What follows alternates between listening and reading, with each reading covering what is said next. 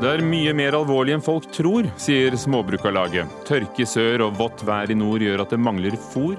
Bøndene vil ha nye regler for hva som gir erstatning når avlingen er skadet, og får støtte fra Arbeiderpartiet. Arbeiderpartiet. Det stormer rundt dem i Trondheim, der partiet har hatt ordføreren i 15 år. Det er en ukultur i Trondheim Arbeiderpartiet, og ordføreren fraskriver seg hele ansvaret, tordner Høyre. Utidig kritikk, ifølge Ap selv. Fastlegene har så mye å gjøre at de er overarbeidet, og derfor blir det for få av dem. Nå ber de om flere hundre millioner kroner for å løse problemet. Men penger gir ikke flere fastleger, sier helseministeren. Helt useriøst utspill, protesterer Senterpartiet.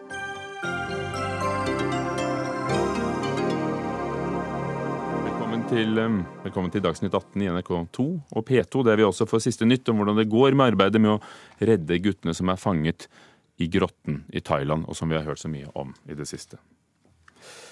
Småbrukarlaget mener regjeringen må endre regelverket for avlingsskade.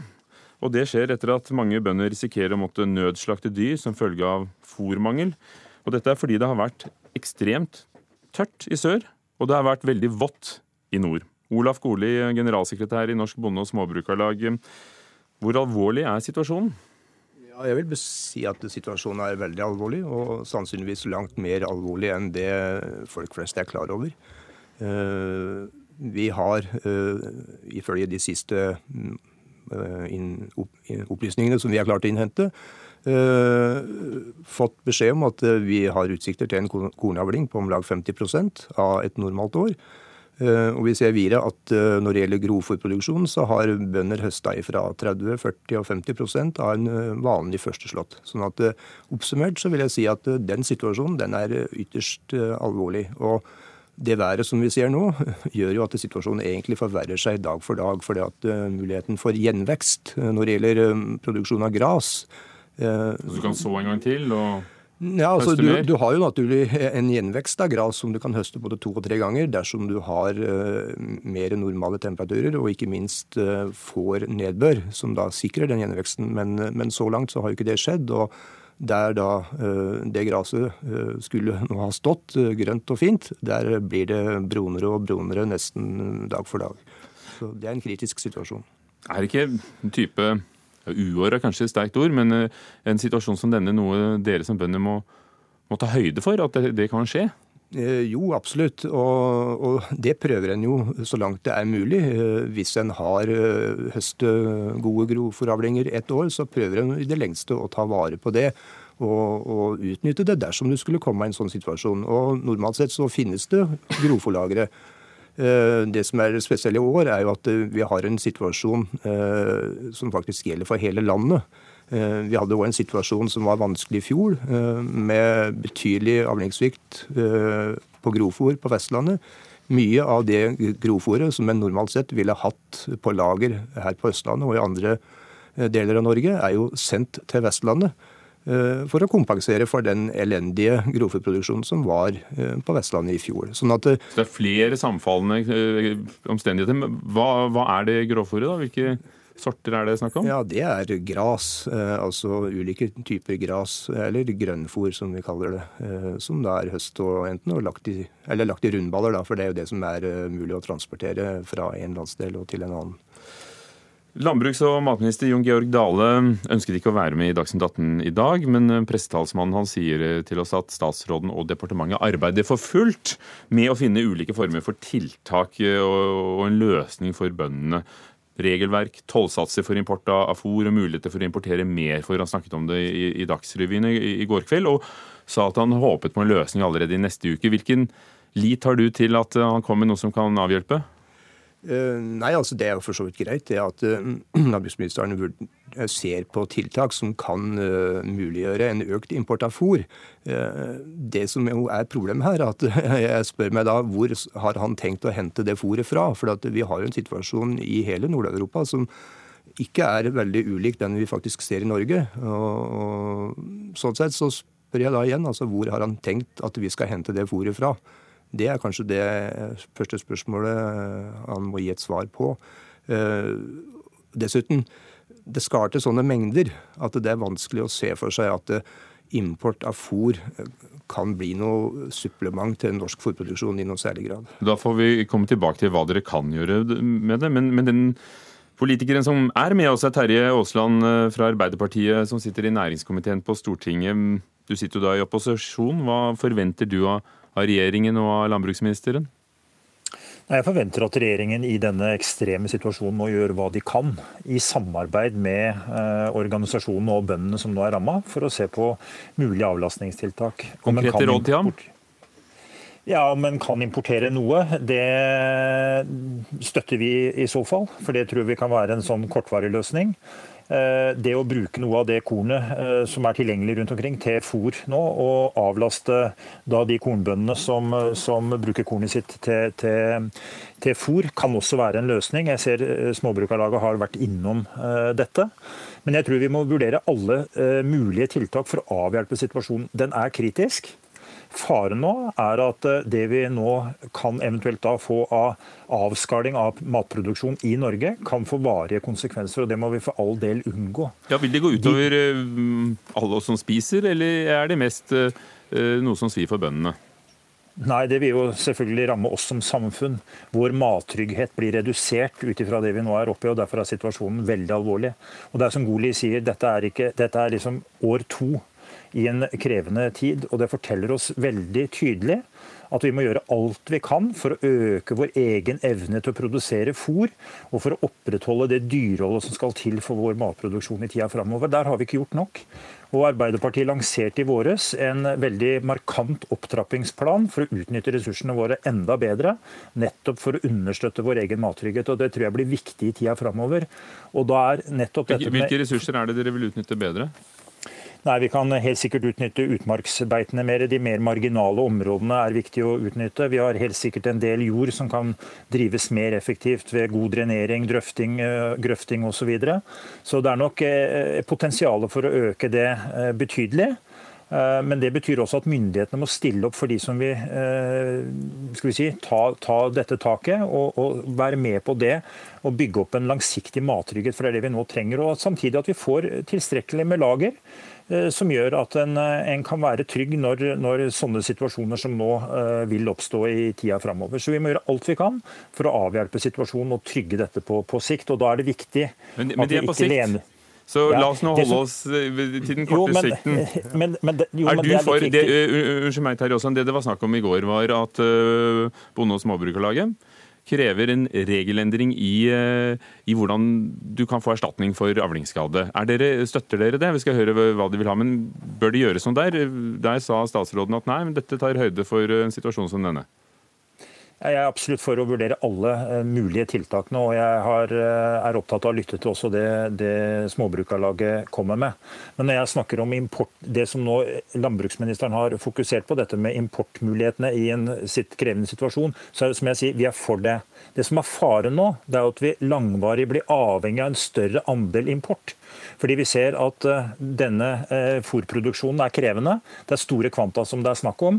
Og vi kan ikke basere oss ensidig på import. Vi må styrke vårt eget grunnlag for å produsere mer fôrenheter i Norge, nettopp for å understøtte vår egen mattrygghet. Og Det er det aller viktigste vi kan gjøre eh, nå.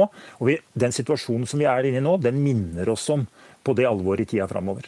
Olaf Goli, som, som, bonde og da generalsekretær for Bonde- og Småbrukarlaget, har vi hatt for, for, for små lagre? Ja, Hvis du tenker på fôr, så har vi åpenbart det, når vi ser åssen eh, årets eh, planteproduksjon har utviklet seg. Det er helt klart. Men eh, stort sett så har vi jo klart oss. For det, det som ofte preger norsk jordbruk, er at du kan ha litt vanskelige forhold i én landsdel, og så har du da rimelig greie, normale forhold i en annen landsdel. Sånn at vi har kunnet dra veksler på. og forsyne eh, områder som har hatt eh, dårlige forhold, dårlige, eh, vanskelige innhøstingsforhold, med fôr fra områder som har hatt gode forhold. Og det, det var jo nettopp sånn som var tilfellet i fjor, som jeg sa i stad. Hvorfor vil dere ha et nytt regelverk for avlingsskade? Altså, vi vil ikke ha et nytt regelverk for avlingsskade, men, men vi, vi, prøver å få en ja, større forståelse for at det regelverket som fungerer greit i en normal situasjon, der du har en begrenset avlingsskade i én kultur, kanskje i et avgrenset område av landet, det regelverket er ikke egnet for å brukes i den situasjonen som vi har nå, som flere og flere begynner å kalle for ekstrem. Uh, for nå er det sånn at Hvis du da ikke selger kornet som korn, men gir det som fôr, så, så mister du ja, en altså, avkortning i erstatningen. Så. Ja, altså Den kornprodusenten som da enten selger det, eller, uh, eller på annen måte, da, han kan jo da få en avkorting i avlingsskadeutbetalingen sin. Og Det er det vi mener at i stedet for å kjøre på det regelverket, så bør en rett og slett lempe på regelverket og heller sørge for at de arealene som nå blir brukt til å produsere kønn, eh, eh, gi heller bort grønnfòravlinga til en husdyrprodusent, sånn at òg la husdyrprodusenten få lov å bruke det arealet til å så en vekst som, dersom det kommer regn, kan gi noe planteproduksjon eh, til eh, vinterfôr og beite litt senere på høsten. Du, du, du sa det på Dagsrevyen i går, du sier det til oss her nå. Har du sagt det til Jon Georg Dale som sitter på, ved skrivebordet sitt? Eh, jeg har ikke sagt det direkte, men jeg tror Jon Georg Dale veldig godt oppfatter hva som er vår melding oppi denne situasjonen. Så, så venter vi på da hva, hva Dale kommer med, med av tiltak som han har bebudet kanskje allerede neste uke. Men, men allerede, dette, dette står jo om tid. Ja. Hvor, hvor, er det verst i landet? Nord eller sør? Eh, nei, altså Vi har jo den pussige situasjonen i år da, at uh, sør for Namdalen så har vi for høye temperaturer og for lite nedbør.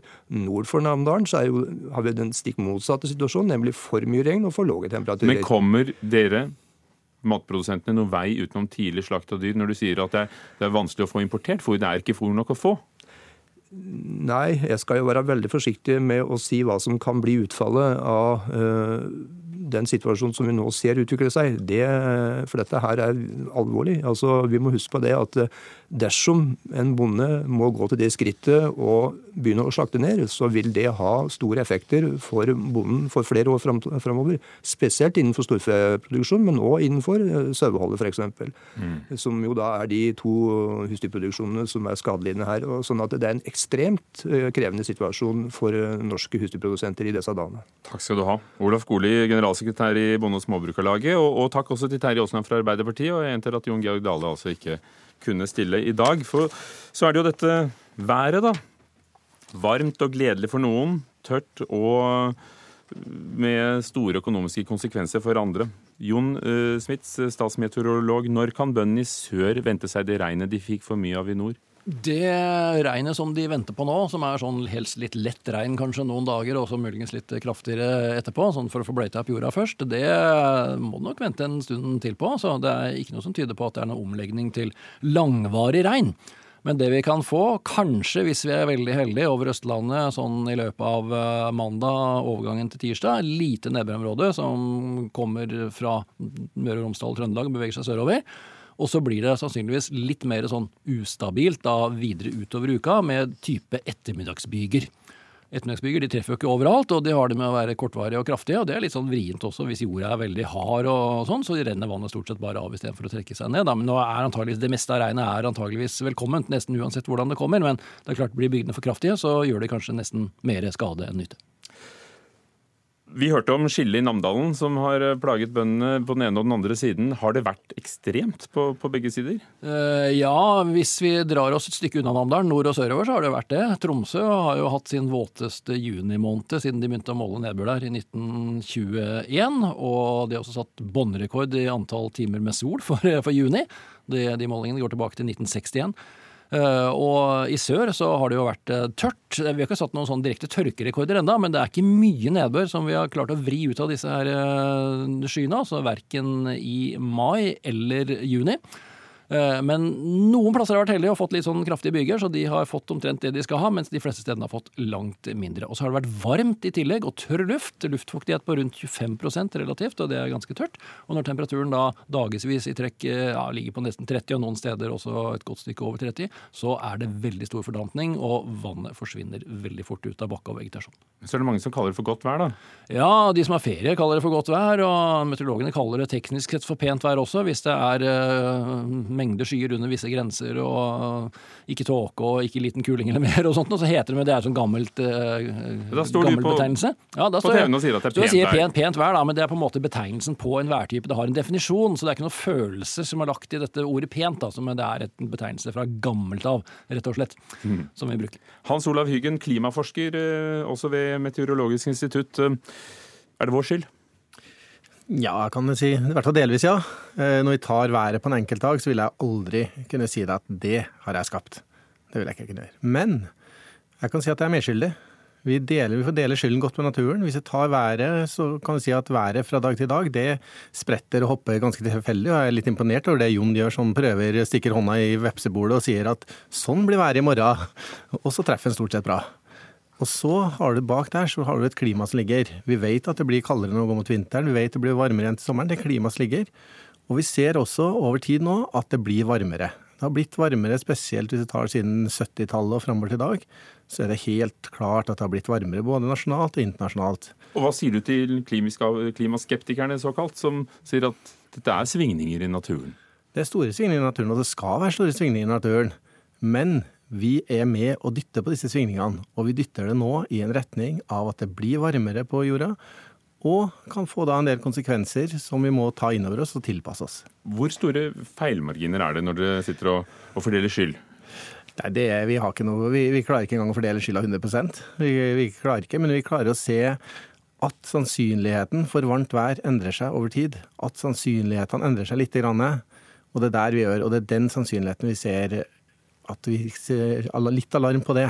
Her skjer en endring, men jeg klarer ikke å si at en hendelse er menneskeskapt eller en hendelse er naturskapt.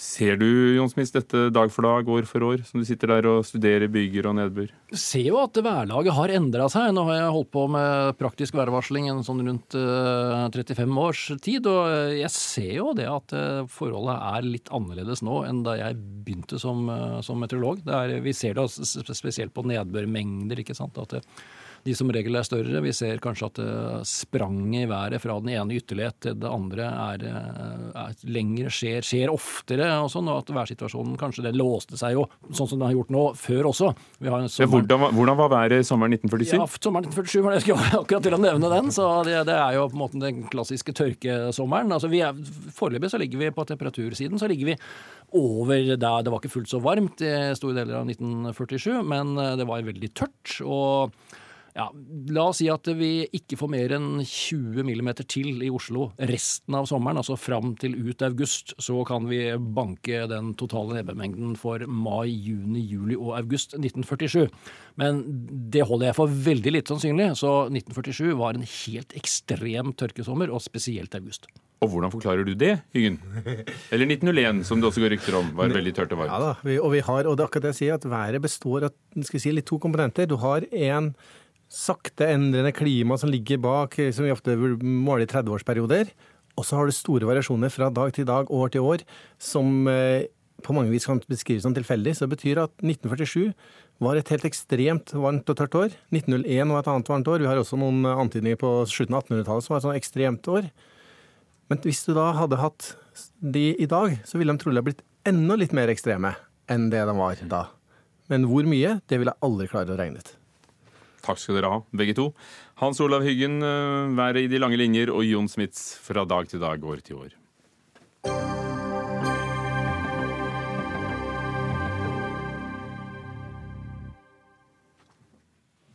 Det har pågått i tolv dager.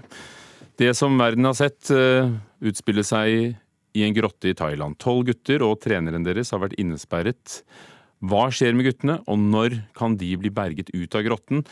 Vår reporter Roger Severin Bruland befinner seg i Thailand. Hva er siste nytt der du står ved munningen av grotten på grensen mot Myanmar nordøst i Thailand?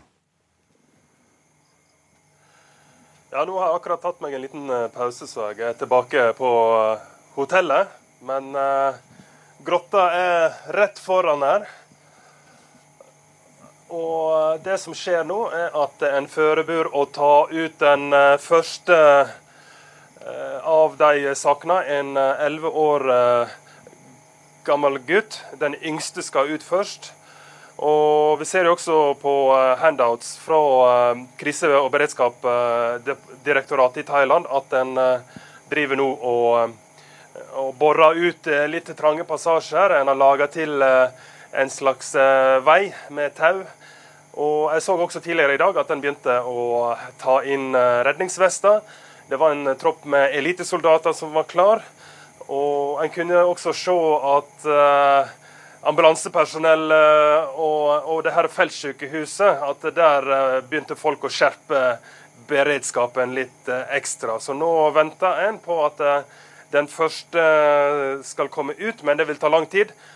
Det vil ta minst i seks timer inn for å, for å hente hente den første, og så tar det seks timer igjen ut, eh, regner jeg med, sa han jeg snakka med i eh, det her krisedirektoratet i Thailand. Mm. Og, og, dette haster jo litt, er det ikke sånn? Fordi det er kommet varsler om monsunregn i, i, i dagene fremover. Hvilket eh, press har de på seg, bortsett fra øh, de, de stakkars guttene som sitter der inne? Altså, Presset er jo først og fremst på myndighetene i Thailand. Guvernøren har fått mye skryt nå for uh, måten han har ledet denne uh, kriseberedskapen på. Uh, samtidig, da, politisk i denne nordlige Chiang Rai-provinsen, så har jo denne her guvernøren blitt degradert og, sendt til en mindre provins. Fordi, sier noen aktivister, han har vært litt for ivrig til å bekjempe korrupsjon. Og Nå begynner jo folk å be han om å bli, at myndighetene skal la han, han få bli og fortsette som guvernør. Eh, problemet her er jo at eh, det er regntid, og det kan begynne å regne når som helst. Det er helt umulig å vite når det kan begynne å, å regne. Så, eh, så um, Unnskyld, jeg har litt feedback her på øret. Men, men det skal vi nok få ordnet, Roger. Så en må få det ut så fort som mulig. Og, og nå, har det vært tør, nå har det vært tørke Altså Det har vært eh, opphold eh, i, i, noen dager, slik at vannstanden har gått ned. og Da er jo målet at de skal, disse ungguttene skal ut uten å måtte dykke. At de rett og slett skal kunne forsere de trange passasjene, og så bare flyte da over der det er noen meter dypt. Mm. Er det bedre nå? På øret? Uh, ja, liten grann. Ja, takk skal ja. Hvor lang tid vil denne redningsaksjonen ta, Roger Severin Bruland? Det vil jo ta lang tid. For det han jeg snakka med, sa jo at um, det tar 11-12 timer per person. Minimum. Og de vil ikke ta ut flere samtidig, for en uh, vil jo uh, hele tida vurdere situasjonen. Uh, hvis det skulle oppstå en nødsituasjon, så kan en ikke ha flere personer på vei ut. Så en har hele apparatet som fokuserer på én og én person. Og, og, derfor så vil det jo fort ta noen dager. da.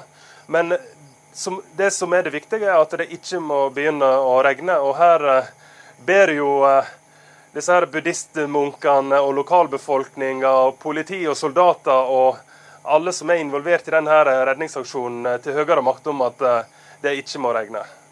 For da, for da blir det en helt annen situasjon, og da kan det bli veldig dramatisk.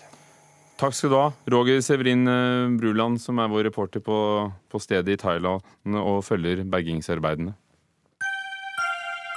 Det har virkelig gått uh, hett for seg i uh, norsk helsepolitikk i sommeren. Le Legeforeningens krav om mer ressurser til fastlegeordningen er nå også blitt en opphetet politisk debatt. I forrige uke brøt foreningen forhandlingene med staten. De mener det er for mange pasienter per lege, at de har altfor mye å gjøre, og at da ressursene ikke strekker til. Denne uken fulgte helse- og omsorgsminister Bent Høie opp i eh, fagbladet Dagens Medisin. Her skriver han at det er problemer i fastlegeordningen, ja, men at penger alene ikke gir flere leger. Dette kaller uh, du useriøst, Kjersti Toppe i helsekomiteen på Stortinget for Senterpartiet. Hva er det useriøse? Eh, Høie skrev jo videre at eh, antyda at her drev legene lønnskamp, eh, og eh, det var jo spesielt det. Jeg syns det er useriøst av eh, helseministeren, i og med at vi har hatt en stor politisk eh, debatt hele denne stortingssesjonen vi har lagt bak oss nå, om at det er en krise i fastlegeordningen. og Da er det veldig lettvint å beskylde legene for å kjempe for seg og, og sitt. Det er ikke mer lønn til legene vi, eller de kjemper for, det er jo mer ressurser inn i en ordning som er på bristepunktet, og en ordning som er helt avgjørende for helsetilbudet ute i kommunene. Du skriver at å legge skylden over på legene som høyinntektsgruppe er skikkelig useriøst. Men mm. har han brukt dette ordet høyinntektsgruppe? Hvor finner du det? Nei, altså han, eh, Det som han eh, skriver i innlegget sitt, eh, det er retorisk. Ja, det er legitimt å drive lønnskamp, men osv. Så, så han antyder jo mer enn sterkt at her driver eh, legene lønnskamp. Og, og, det er jeg som bruker ordet høy inntektsgruppe. Det er jo ikke noen eh, Det er ikke ingen hemmelighet at leger uansett tjener, tjener godt. Eh, men det er ikke det dette her handler om. Og hvis en skal, gjøre, hvis en skal falle ned på det nivået, så å, å, debattere eh, legene sin si, lønn, og ikke debattere hvor lite ressurser eh, staten har lagt inn i fastlegeordninger, på tross av alle de nye oppgavene som har kommet, f.eks. i forbindelse med Samhandlingsreformen, som gjør at nå leger holder på å rømme fra tjenesten, ikke pga. lønna, men pga. den store arbeidsmengda, så er det useriøst fra helseministeren. Jeg hadde hadde eh, forventa at han grep eh, an denne saken på en eh, mer skikkelig måte. Særlig òg pga. de tydelige vedtakene som Stortinget har gjort i fastlegesaker. Det er jo sånn at uh, Legeforeningen sa at de var enige om 2,8% lønnsvekst, men det det sto om, var de pengene som skulle avhjelpe situasjonen for hvorfor det mangler allmennleger, eller uh, altså uh, fastleger. Maria Jarman Bjerke, statssekretær i Helse- og omsorgsdepartementet. Det er legitimt med lønnskamp, skriver Høie i et innlegg som handler om, om, dette her. Kan du forstå det annerledes enn at det handler om lønnskamp? Altså, dette er jo helt uh, feil uh, av uh, Kjersti Toppe. Altså, helseministeren har aldri kalt fastlegekrisen en lønnskamp. Det han derimot skrev i sitt innlegg, er at fastlegene jobber for mye. de har fått for mange oppgaver, og de har for liten tid til pasientene. Og det gjør vi også noe med, og det lister han også opp i sitt innlegg. At vi rekrutterer flere fastleger eh, gjennom rekrutteringstilskudd, gjennom tilskudd til utdanningsstillinger. Vi ser på hvordan legevaktsarbeidet kan gjøres mindre belastende for fastlegene. Og vi ser på hvordan teamarbeid kan eh, avlaste fastlegene. Så er vi i samarbeid med Legeforeningen og KS eh, i gang med en stor evaluering av ordningen. Den skal bl.a. se på hvilke oppgaver fastlegene må ha, hvilke oppgaver andre kan overta. Eh, og også hvordan man kan gjøre oppgavene på en mer eh, moderne eh, måte. Men dere har vært med på å lesse oppgaver over på dem, altså f.eks. Samhandlingsreformen, hvor legene får mye større ansvar for f.eks. Å, å, å følge opp ting som spesialisthelsetjenesten tok før. Altså kreftbehandling, rehabilitering, en mengde oppgaver som de ikke hadde før. Hvorfor ja. ikke se på det? Ja, og det er jo nettopp det vi skal se på. Og vi er jo helt enig i det. Altså Fastlegene har fått flere oppgaver enn de hadde tidligere, og Samhandlingsreformen er nok en, en av grunnene til det. Eh, tidsbruksundersøkelsen eh, som Helsedirektoratet la fram for eh, et par måneder tilbake, viste også det, at fastlegene jobber i gjennomsnitt flere timer enn de gjorde før. Og Det tar vi jo på alvor, og det er jo nettopp det vi skal gjøre noe med. Både gjennom de tiltakene som vi gjør nå, altså gjennom rekrutteringstilskudd, gjennom tilskudd til utdanningsstillinger og de ulike pilotene vi er i gang med, men også gjennom evalueringen som vi gjør da i samarbeid med Legeforeningen og KS, som da skal føre til en handlingsplan som legges fram våren 2020. Så, så, det er kanskje ikke så svart-hvitt, eh, Kjersti Toppe, at de, at de tror at det er lønnskamp? Eh, jo, eh, jeg syns det er ganske alvorlig. Og når jeg hører statssekretæren eh, ramse opp disse forskjellige tiltakene, så, så, imponerer det ikke meg. Eh, Stortinget har gitt klar beskjed om at dette haster. Eh, og jeg hører at nå skal eh, regjeringa og departementet vurdere, de skal evaluere. Og imens så har vi altså en fastlegeordning der leger, mange av de vurderer å slutte, og der få nyutdanna søke seg inn pga. den situasjonen som er. Og Det er jo eh, sant som ble sagt her, at eh, det det nå eh, var uenighet om, det var ikke lønnsveksten til legene, men de midlene som skulle inn i ordningen, nettopp for å gjøre det mulig at listelengder kunne reduseres, og at legene kunne bruke mer tid på hver pasient, og dermed gjøre rom for at nye leger kunne komme inn i ordningen. Så dette var jo mer enn en ordinær lønnsforhandling. Dette var jo en, en forhandling om hvordan vi skulle klare å gjøre en vri på finansieringen av fastlegeordningen, slik at den kunne gjøres mer robust i årene framover. Og gjøre slik at nye leger òg ville søke seg inn i ordningen. Og altså jeg, mer per mm. hode og mindre per konsultasjon. Ja, akkurat. Og, og, ja. Ja, og altså, Poenget til helseministeren i det innlegget var jo at de pengene som Legeforeningen krevde eh, 280 millioner? Ja, De vil jo ikke bidra til å bøte, bøte på de utfordringene vi ser i dag. Men dere vil gi 100 millioner. Prinsippet er ja. dere enig i, da? Så altså, da må de jo hjelpe mer med de, mer penger? Ja, for de 100 millioner kronene la vi på bordet fordi at vi ser at uh, fastlegene i dag har en økt uh, arbeidsbyrde som de ikke får dekket inn gjennom, uh, gjennom inntekt. Altså Det er arbeidsoppgaver som da dek ikke dekkes av de takstene. Så at ja, vi ser jo at det er behov for å legge penger inn i ordningen, men det vil jo ikke bidra til å bøte på de utfordringene knyttet til rekruttering, knyttet til at de har en for høy arbeidsbelastning. Eh, for, for, for, da Toppe, risikerer du vel at uh, noen leger da kutter ned. Det er en opprørsgruppe på gang med flere tusen leger bak seg i Trøndelag som sier at nå er det sånn at en liste med 1000 pasienter krever like mye jobb som 1500 pasienter gjorde for 6-7 år siden. Men hvis de kutter ned på pasientlistene sine som du ønsker, risikerer du ikke at ganske mange står uten fastlege, for da, da mangler det jo plutselig leger? Mm. Vi må gjøre det her samtidig. Det som eh, regjeringen vil gjøre, det er å kun ha et eh, et rekrutteringstilskudd og få flere leger inn, uten å gjøre noe med den ordningen som er i dag. altså Uten å gjøre noe med arbeidssituasjonen til legene. Og det er jo like galt. Jeg mener vi må gjøre ting samtidig. Altså uh, ha et rekrutteringstilskudd og ha gode finansieringsordninger i kommunene for nyetablerte stillinger, samtidig eh, som vi må se på alle de hjemlene som er, slik at de får mulighet til å avgi eh, pasienter til de nye legene som skal inn, uten at de skal ta hele kostnaden med det sjøl, altså ved å øke basistilskuddet. Eh, og eh, Det er jo nettopp det òg Legeforeningen har kjempa for. Og vi kan òg vri det til at dette skulle være tilskudd, et økt basistilskudd til kommuner med små lister, altså i, i distriktene der rekrutteringsvanskene kanskje er enda større mange plasser, eller i andre, i andre rekrutteringsvansker rekrutteringssvake områder. Så det, det, kunne vi politisk ha styrt,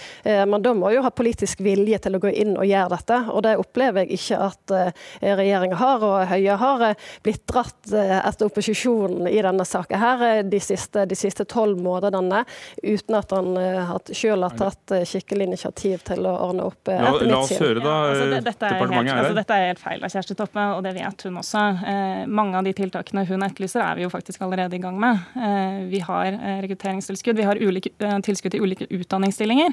Eh, Bl.a. for å se på om flere fastleger kan jobbe i en fastlønnet stilling mm. gjennom spesialiseringen. Vi ser på altså, ulike finansieringsmodeller. Leger og lønner dem. Ja, i en fastlønnet ja. stilling.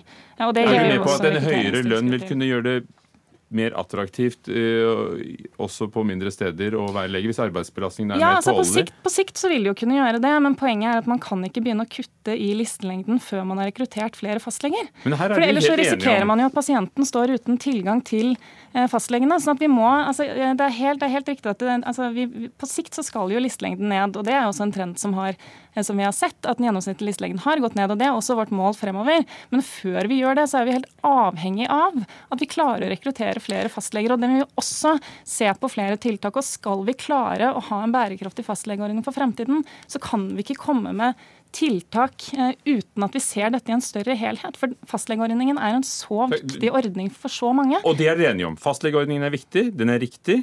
De har for mye å gjøre, de har fått for mye å gjøre, eh, og, og det mangler fastleger. Mm.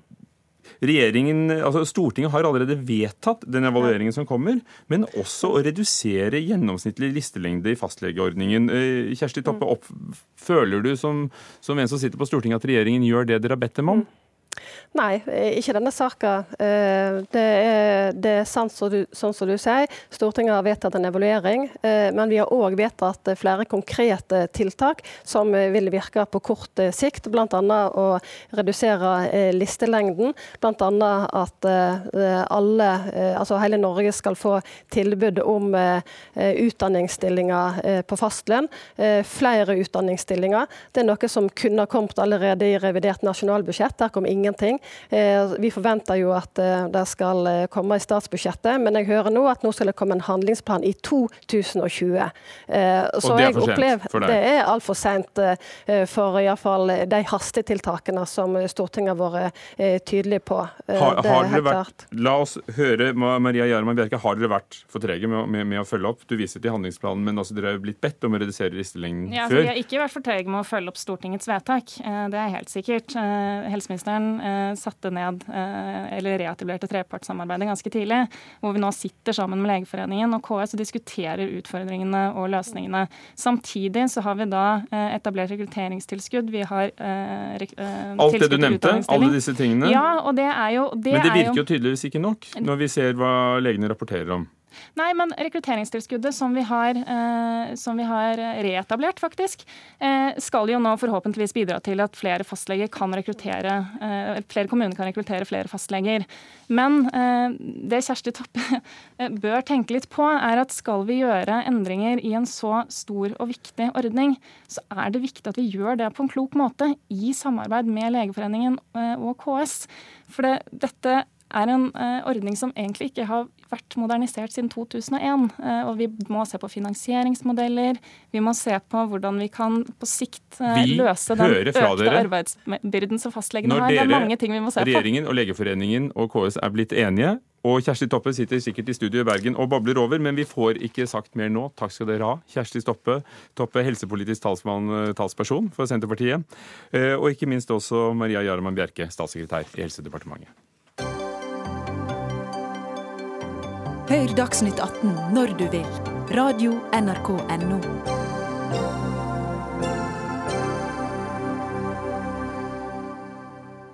Det koker i trondheimspolitikken. Ordføreren i Trondheim, Rita Ottervik, fraskriver seg ansvar og tar ikke tak i ukulturen i eget parti. Det er kraftsalven som står i Adresseavisen i dag, og det er Høyres ordførerkandidat som kommer med denne kritikken. Bakgrunnen er flere saker knyttet til den tidligere arbeiderpartipolitikeren Rune Olsø, bl.a. etterforsket Økokrim om han hadde hatt en ulovlig dobbeltrolle som politiker og konsulent i den såkalte Kystad-saken, der bystyret behandlet en reguleringssak for Kystad-området, der Olsøs eget selskap kunne tjene penger. Ingrid Skjøtskift, du er ordførerkandidat for Trondheim Høyre. Hva er det ordfører Rita Ottervik har gjort feil?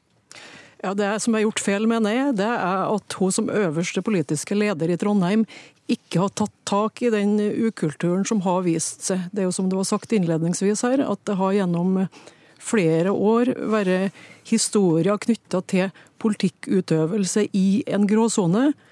Og eh, som da ordføreren, som øverste politiske leder, ikke har tatt uh, tak i. Og så har vel tvert imot uh, opplevd òg at, uh, i hvert fall når det gjelder den Kystad-saka, at Arbeiderpartiet òg stritta imot anmeldelse av den saka. Så her mener jeg at det er forsømmelser over lang tid som har hindra opprydding. Og vi har i stedet opplevd at det har vært media, i det tilfellet her da Adresseavisa, som har vært den som har fått fakta på bordet, og som har fått sakene fram i lyset. Hva hadde du forventet av henne? Jeg ville ha forventa at en politisk toppleder tar tak i sånne type ting når eh, alarmklokkene ringer, og når det, eh, når det, kommer fram historier som, som er i en, en gråsone. Ja, tar tak i, sier du. Hva, hva da? Ja, og F.eks. da eh, få fakta på bordet. Snakke med dem det, eh, det angår. Eh, få finne ut hva er det her faktisk som skjer i eget parti.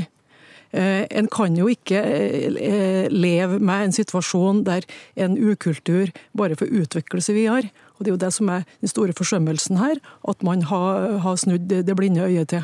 Vi har selvfølgelig invitert eh, ordfører Rita Ottervik i Trondheim til kveldens Dagsnytt 18, men hun skriver til oss på en tekstmelding at hun er på ferie, men som stedfortreder for Ottervik har vi deg, Sissel Trønsdal, gruppeleder i Trondheim Arbeiderparti.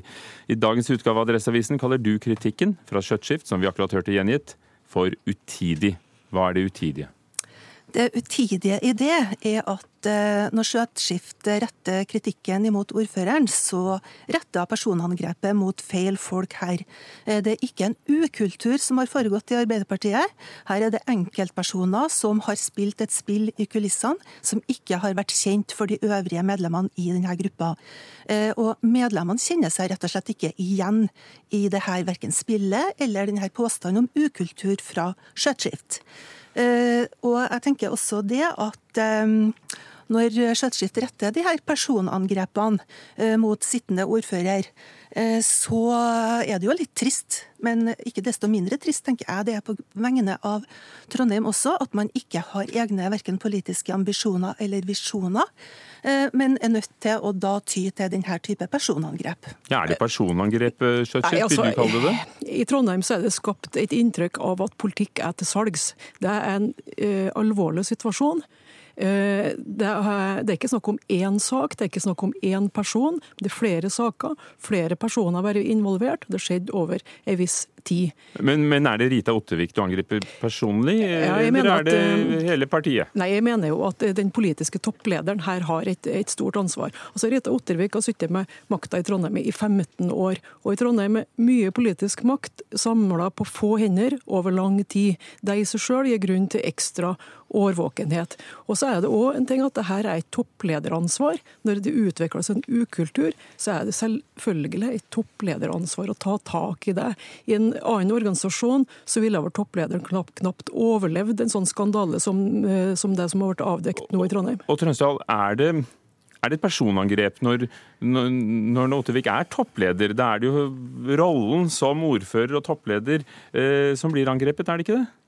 Jo, det er... Unnskyld meg, hun er jo, Ottervik er jo en ganske en veldig erfaren politiker eh, som har holdt på som sagt som ordfører i 15 år. Ja, det stemmer. Eh, og jeg er enig med Skjøtskift i at det er en leders ansvar å ta tak i ting når det blir avdekka. Men her er det faktisk ting som har skjedd i kulissene som ingen har vært kjent med utenom en liten gruppe, en håndfull gruppe mennesker. Og hva kan man da ta tak i når man blir holdt utenfor og blir holdt uvitende? Det er det som er sakens kjerne. Og, Vi har da vært i kontakt med Rune Olsø, tidligere Ap-politiker som var involvert i denne Kystad-saken. Han skriver til oss at karakteristikken du retter mot ham, eh, Skjøtskift, faller på sin egen urimelighet, og at han mener at du bare prøver å, å, å bruke Olsø som brikke et spill om ordførerstolen ved valget neste år. For det er jo kommunevalg neste år. Og hva sier du til det? Nei, men kan jo ikke sitte og se på at det utvikles en ukultur i kommunen, og eh, det har vært en ukultur som eh, på en måte har vært beskytta i, i, Trondheim. Men, hvis de ikke visste om det, det er jo det, det, er jo det Trønsdal sier, at vært, hvordan skulle de tatt et oppgjør med noe som, som mange, ble avdekket i Adressa? Ja, Det har vært mange saker opp gjennom åra årene som, som, har vært framme. Og nå har ikke jeg vært med i trondheimspolitikken mer enn i tre år, men jeg vet i hvert fall at det er to år siden første gangen jeg tok opp en sånn sak i et forum, eller i, i gruppeledermøte i Trondheim, der ordføreren var til stede. Og det handla om, om en annen sak sak. Og Da eh, pekte jeg på nettopp det samme som jeg sier nå, at dette må det ryddes opp i. Og dette er et ansvar som går oppover i organisasjonen. Så det har vært, eh, og ikke bare jeg, det er også andre, advart mot det samme og oppfordra om at det her må man ta tak i fra høyeste hold. Økokrims etterforskning mot Olsø endte med henleggelse, og i det vedtaket så skriver Økokrim at de ikke kan bevise at han hadde holdt eh, bevisst informasjon skjult for resten av partiet. Hvordan kan da Ottervik lastes? Jeg mener at det ligger et ansvar på henne som politisk toppleder. Så enkelt er det. Hun står i en særstilling som Så når hun fikk vite om ting, da hun burde jo skaffa seg denne informasjonen. Det har, det har, ikke, det har ikke, det ikke, ikke mangla på saker eh, som, som, viser at, at man i politikk politikkutøvelsen i Trondheim og operert i en gråsone. Det har vært en kjent sak. Det har vært omtalt i Adresseavisa ved mange anledninger. Alle som kan å lese, vet at eh, der hadde foregått ting over lang tid. Det burde man tatt tak i for lenge siden, og ikke venta til, eh, til, til Økokrim og Adressas innsyn i Økokrim-dokumentasjon. Her burde man på selvstendig grunnlag ha gått inn i og sørga for å fått fakta på bordet. Mener... La oss høre, Sissel Trønsdal. Eh, mener du at Ottervik Eh, og dere som parti har håndtert Kystad-saken på en god måte? Eh, jeg mener at eh, når det her fremkom hva som hadde foregått i kulissene, eh, så har jo ting skjedd i ettertid. Altså De involverte de er jo ute av politikken. Olsø har jo ingen verv lenger i Arbeiderpartiet. Og de øvrige som var involvert i dette spillet i kulissene, de stiller heller ikke til gjenvalg. Og når Skjøtskift sier at jeg registrerer at du flere ganger snakker om en ukultur i partiet, men det her er ikke en ukultur i partiet. for med medlemmene kjenner seg ikke igjen i det her. Her er det en håndfull enkeltpersoner som har opptrådt med et spill i kulissene. Og jo så nevner også Skjøtskift det at man stritta imot anmeldelse. Ja, det var enkeltpersoner som gjorde det. Jeg vet at ordføreren var svært eh, oppbrakt over det, og fikk eh, fremtvunget eh, bl.a. hun at eh, anmeldelse skulle foregå. Men da, men da mitt spørsmål til, til, til Arbeiderpartiets gruppeleder. Kan du da med hånda på hjertet si at det nå ikke dukker opp flere saker? Kan du nå med hånda på hjertet si at nå har dere ettergått det som er og funnet ut det som er, eller kan det dukke opp flere saker? Det skulle jeg gjerne ønske at jeg kunne ha gjort, men her viser det seg at eh, personer eh, som har spilt dette spillet i kulissene, som har sagt eh, til oss at det ikke var noe mer i vente, så har det dukka opp saker i etterkant. Så jeg kan Så, ikke så dere gå er blitt god- ført bak lyset, Vi er ført bak lyset, og jeg kan ikke gå god for at de her personene nå eh, ikke kommer med flere ting. Eh, Har ordføreren aktivt oppsøkt eh, informasjon i, i sakene her? Nå er det litt vanskelig for meg å sitte og svare på vegne av ordføreren. Eh, og jeg syns òg at det blir litt utidig av Skjøtskift å komme med de her påstandene så lenge at ordføreren er fraværende. Men jeg regner med at du får nok sikkert svar på de her spørsmålene. Men kjære deg, det er vel ikke sånn at du ikke kan diskutere politikk i ferien? er det det? Nei, absolutt ikke. Men her er det personangrep. Dette er, dette er en kritikk som er retta mot eh, Trondheim bys ordfører, som øverste politiske leder. Vi, vi lar den ligge, for den, den var vi innom. Er Ingrid Skjøtskift som ordførerkandidat i Trondheim Høyre alltid har hos dere? Har dere en, en, eh, en kultur du er stolt av? Ja, jeg mener at vi har en god og sunn eh, og åpen eh, kultur. Og dersom det skulle ha dukka opp noe som har vært i nærheten av det her, så skal jeg i hvert fall jeg garantere at jeg har kommet til å gått tungt inn i det personlige, og sørga for at folk har svart på spørsmål og lagt korta på bordet og fortalt om hva de driver på med. Ingrid Skjøtskift fra Trondheim Høyre, takk skal du ha. Sissel Trønsdal, gruppeleder fra Trondheim Arbeiderparti, takk skal du ha. Og velkommen Tone Sofie Aglund, kjent politisk redaktør i byens avis Adresseavisen. Hvordan tolker du uttalelsene fra ordførerkandidaten? Vi hørte henne akkurat. Nei, Nå har jo Arbeiderpartiet sittet med makt i Trondheim i 15 år, og før denne saken dukka opp, så så det jo nesten ut som de kunne sitte i 15 år til. og Hadde det ikke vært en så trist sak, så ville jeg jo sagt at det er en gavepakke til Høyre. Og det ser jo ut som Høyre prøver å kle mest mulig av denne ukulturen til ordfører Rita Ottevik, eh, som er Arbeiderpartiets sterkeste kort. Men samtidig så er jo det her noe ethvert våkent opposisjonsparti ville gjort, og mye av kritikken fra Høyre er også berettiga. Hvordan? Hva, hva er det legitime, vil du si, den som en som observerer eh, Trondheims politikk? Ja, Arbeiderpartiet har jo ikke på noe som helst vis virka særlig ivrig etter å rydde opp. Men ingen av disse er jo i politikken nå lenger, som vi hørte. Nei, og, men det, de har jo ikke mm, trukket seg med den begrunnelse av at uh, man har ønska en opprydning av partiet. De har jo alle sammen kommet med, med andre årsaker, om det er familiære eller jobbmessige årsaker til de trekker seg i politikken. Og ordføreren har ikke hatt noe åpent oppgjør med denne ukulturen. Og det er også en tendens til bagatellisering. Og vi har jo også sett at partiet har jo ikke virka veldig ivrig etter å rydde opp. Det er jo avsløringer fra Adresseavisa og Økokrim som har eh, ført denne saken framover. Og, og, og gjort at Arbeiderpartiet nå har litt sånn eh, rydder opp litt i egne rekker. Men denne, for å ta den ene Kystad-saken, så endte det jo med at Økokrim har henlagt hele saken, og, og de kunne ikke bevise at han hadde holdt noe informasjon skjult fra gruppestyret. I hvilken grad er det da troverdig at de andre i partiet er ført bak lyset? Nei, jeg har ikke noen grunn til å tro at ikke Trønsdal og andre snakker eh, sant om, eh, om deres opplevelse, men jeg syns det er veldig spesielt å fremstille det her som at det her er en, en håndfull politikere. Her er Arbeiderpartiets gruppeleder. Det er eh, den mest sentrale politikeren innen byutvikling. Det har vært gruppesekretæren. Det har vært liksom, de mest sentrale politikerne i Arbeiderpartiet som har kjent til at Rune Olsø har drevet en dobbeltrolle i en særdeles stor og avgjørende sak i Trondheim. Det er ikke en liten bagatell. Og at ikke det ringer inn nå varsellamper, det får meg til å stille litt spørsmål med hvordan er kulturen i partiet, og er det sånn at de her tette båndene har gjort at folk har blitt blinde? Men det at saken er henlagt, er det likevel en ukultur, mener du? Er det, er det likevel noe å sette fingeren på? Ja, jeg håper jo for Arbeiderpartiet sin del at det er mer sjølransakelse internt enn det de gir uttrykk for. For at det her kan ha pågått i så mange år med så sentrale politikere.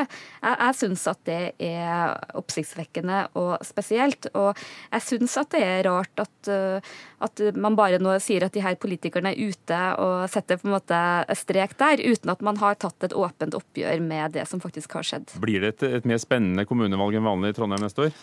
Ja, det blir det. Og det er nok mange årsaker til det. Tusen takk. Tone Sofie Aglen, politisk redaktør i Adresseavisen.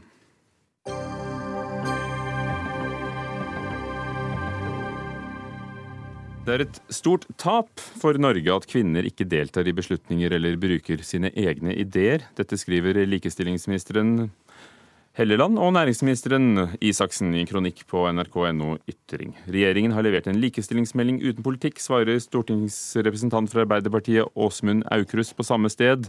Åsmund Aukrust, eh, ja, du mener Høyre har satt uh, likestillingen i revers i, i regjering. Hvordan? Det er det ikke bare jeg som mener. Eh, det kom en, stor, det kom en stor, rapport som viste at for første gang så går Norge nedover likestillinga. Det gjør to år på rad.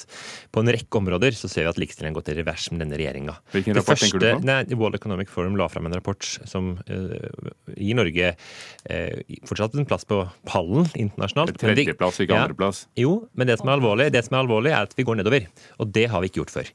Det er systematisk for denne regjeringa at fra de tiltrådte til i dag, så har likestillinga gått i gal retning. De første de gjorde, det var å trekke tilbake likestillingsmeldinga fra den rød-grønne regjeringa. Så la de fram en melding sjøl som var totalt uten innhold. Det var det ikke bare Arbeiderpartiet som sa. Venstre sa også at den var så dårlig at den like gjerne kunne, kunne lagt være å legge den fram. Vi husker debatten om reservasjonsretten. Vi har hatt øking kontantstøtta, kutt i pappaperm. På en rekke områder så har likestillingen gått i gal retning under denne regjeringa. Men bare for å eh, Nei, men Stopp der. Ja. Tom Erlend Skaug, statssekretær i Likestillingsdepartementet. Hva sier du til eh, alt det du fikk servert her? Jeg er ikke så veldig imponert over Aukrust sin analyse, for å si det sånn. Her er det jo nærmest en alternativ virkelighetsbeskrivelse Arbeiderpartiet driver med. Faktum er jo at vi har eh, ikke gått ned, vi har gått fram fra 2016 til 2017 på Hvordan måler du det? Forums, fra tredje til andreplass. Men har prosenten gått opp eller ned? Vi har gått fram fra tredje til andreplass. I tillegg så er det sånn at aldri har andelen kvinner som jobber deltid vært mindre. Det er 31 000 flere kvinnelige ledere enn da vi overtok. Lønnsforskjellene mellom kvinner og menn minker. Og I tillegg så er det altså en borgerlig regjering som har foreslått og fått vedtatt og nå gjennomført en tredeling av foreldrepermisjonen, som er et historisk likestillingsskritt, og som betyr at uh, nå må menn også ta uh, en lik del av ansvaret for omsorgen for barn i hjemmet. Og det er viktig også for å få større likestilling i arbeidslivet. Det siste her er jo, Skal vi ta det siste? Ja, det, siste er det siste er jeg veldig glad for, men det skyldes jo at Høyre, at Høyre ikke fikk gjennomslag. Høyre gikk til valg på fire år siden på å avskaffe det hele. Dere kutta i kutta. Og så fikk heldigvis Venstre sammen med de andre opposisjonspartiene klart å øke pappapermen. Men dette er en regjeringspolitikk? Jo, jo, da, men Høyre var mot det. Kan vi bare rydde opp i den rapporten fra Verdens økonomiske jo, det forum? Jeg sier, det jeg sier, er at uh, likestillingen har gått ned. Uh, og det som sagt, det kan statssekretæren bekrefte, tror jeg, for han leser den samme rapporten, at for første gang så har den altså gått nedover i prosentmål. Hvordan er det mulig at vi er på andreplass i økonomi, Verdens økonomiske forum når i toppledelsen er det så veldig få øh, kvinner. Som jeg sa, så er det veldig mange ting som går i riktig retning når det gjelder likestillingen i Norge. En av de stedene det går for sakte i riktig retning, er i næringslivet. Og Det er grunnen til at både næringsministeren og barne- og likestillingsministeren har vært eh, veldig opptatt av at nå er det snart eh, slutt på tålmodigheten. Eh, det var også en borgerlig regjering som innførte kvotering i norske styrer. Det har ført til nettopp det som var hensikten, nemlig at det er over 40% kvinner i styrene. Men det, ikke, men det, har ikke gjort noe med de grunnleggende utfordringene med å få større likestilling i arbeidslivet. Også en borgerlig regjering som avskaffet uh, den såkalte redegjørelsesplikten. Altså at store selskaper må, må redegjøre i årsrapportene for hva de har gjort for likestilling. Ja, Hvis dere har det? fulgt med litt de siste dagene, så har vi nettopp sendt på høring et forslag om å styrke aktivitets- og redegjørelsesplikten. Og Grunnen til at vi måtte gå en ny runde for å rydde opp etter det, er jo fordi at Arbeiderpartiet sine representanter i Stortinget bl.a. var uenige med seg selv om hva de ville. Nå legger vi fram et høringsutkast om en styrka aktivitets- og redegjørelsesplikt, som også er enkel og ubyråkratisk for bedriftene, og det var det vi var opptatt av.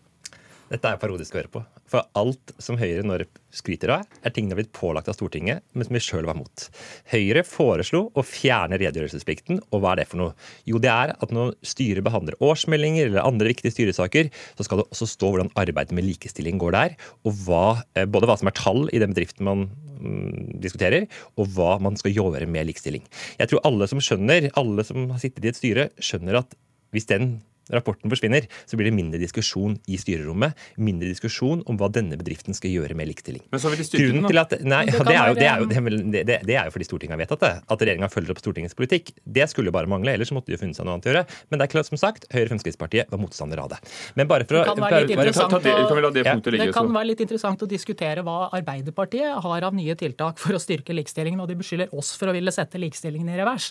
Men, men nå beskyldte han dere akkurat for å, å, å bli dratt etter halen av Stortinget? for å ta et eksempel fra, Ble dere eh, dratt etter halen av fra Stortinget? Aukrust sin egen kronikk i dag. Et av forslagene han har der, er å sette et mål om at 40% av lederne i statlig sektor skal være kvinner. I dag er eh, 56% av lederne i statlig sektor kvinner. Så det betyr i så fall at vi da må hive ut de overskytende 16 av kvinner. Så hvis det er det- noen som tar til orde for å sette likestillingen i revers, så er Det Aukrust med kronikken sin. Det Aukrust akkurat sa, hvis jeg får ordet et lite øyeblikk, eh, var at eh, det du sitter og skryter var det Stortinget som tvang dere til å gjøre. Hva vil du si til det? Det vil du vel si noe til? Nei, jeg sier at Vi har lagt fram et uh, høringsforslag til en styrka aktivitets- og redegjørelsesplikt som vi mener ivaretar de hensynene vi var bekymra for i Stortinget, nemlig at det skulle pålegge bedriftene for stort merbyråkrati, for stort merarbeid. Fordi Og vi er Stortinget reagerte på at dere av fjernet den og vi er jo opptatt av at bedriftene skal kunne eh, ha eh, noenlunde levelige vilkår. Vi ønsker å forenkle hverdagen for bedriftene, ikke gjøre den vanskeligere, sånn som Ja. venstresida vil. Men programleder, jeg- Vi får jo ikke et svar, men det er vel en bekreftelse på at Høyre og Fremskrittspartiet ønsker å avskaffe det. Noe svar Men på bare hva Arbeiderpartiet har av nye tiltak for å styrke likestillingen. Hvis jeg kan fullføre setningen Dere kritiserer oss for å sette likestillingen i revers. Det er feil. Skal? Eh, Men dere har ingen egne forslag. Åsmund Aukrust, hvilke forslag har du, da? Nei, som sagt, Vi har skrevet en kronikk som, liksom ligger på NRK Ytring, hvor jeg har lagt opp en rekke forslag. En rekke forslag. En rekke forslag. En rekke forslag. En rekke forslag. Jeg mener f.eks. at staten skal si at de selskapene staten eier, så skal man ha mål om at 40% av styrelederne skal være kvinner. 40% av alle som sitter i lederposisjoner i de samme selskapene, skal være kvinner. Vi skal ha et aktivt eierskap og bruke, bruke selskapene våre på å fremme likestilling. Jeg syns det er helt parodisk må jeg si, av Høyre her å sitte og angripe Arbeiderpartiet for ikke å fremme tiltak, når de sjøl, Linda Helleland og Torbjørn Isaksen, har lagt fram, eller skrevet, en, skrevet et leserinnlegg hvor de da altså skriver at de eneste de har tenkt å gjøre, det er å heie på de som er for likestilling. Likestilling kommer ikke av seg sjøl, det kommer ikke av at vi heier, det kommer av at de Er driver det fram politikk for det. dere, De er ikke så veldig uenige i målet, tror jeg. Er det metodene dere er uenige i? Ja, Vi tror at eh, det ikke er tilstrekkelig å vedta seg til likestilling. Vi tror at en må jobbe med holdninger. Må jobbe med å få eh, ungdom til å ta mer utradisjonelle kjønnsvalg. Du må jobbe med de bedriftene som gjør en for dårlig jobb i dag. Og det er faktisk, sånn at, faktisk som- sånn at 30 av de største bedriftene i Norge har null kvinner Ja. i et toppledelsen. man. Det er altfor dårlig. De skal vi følge med på, og det er aktivt eierskap. Og å sørge for å Følge hele tida stille bedriftene til ansvar. De er nødt til å lære av de bedriftene som gjør det bra, f.eks. DNB, som Men- har systematisk jobba med likestilling. Oppnå resultater. Det må flere gjøre. Takk skal dere ha. For vi kommer ikke lenger. Åsmund Aukrust fra Arbeiderpartiet. Tom Erlendskaug, statssekretær fra Likestillingsdepartementet. Ingebjørg Sæbu var ansvarlig for Dagsnytt 18. Hilde Tosterud, teknisk ansvarlig.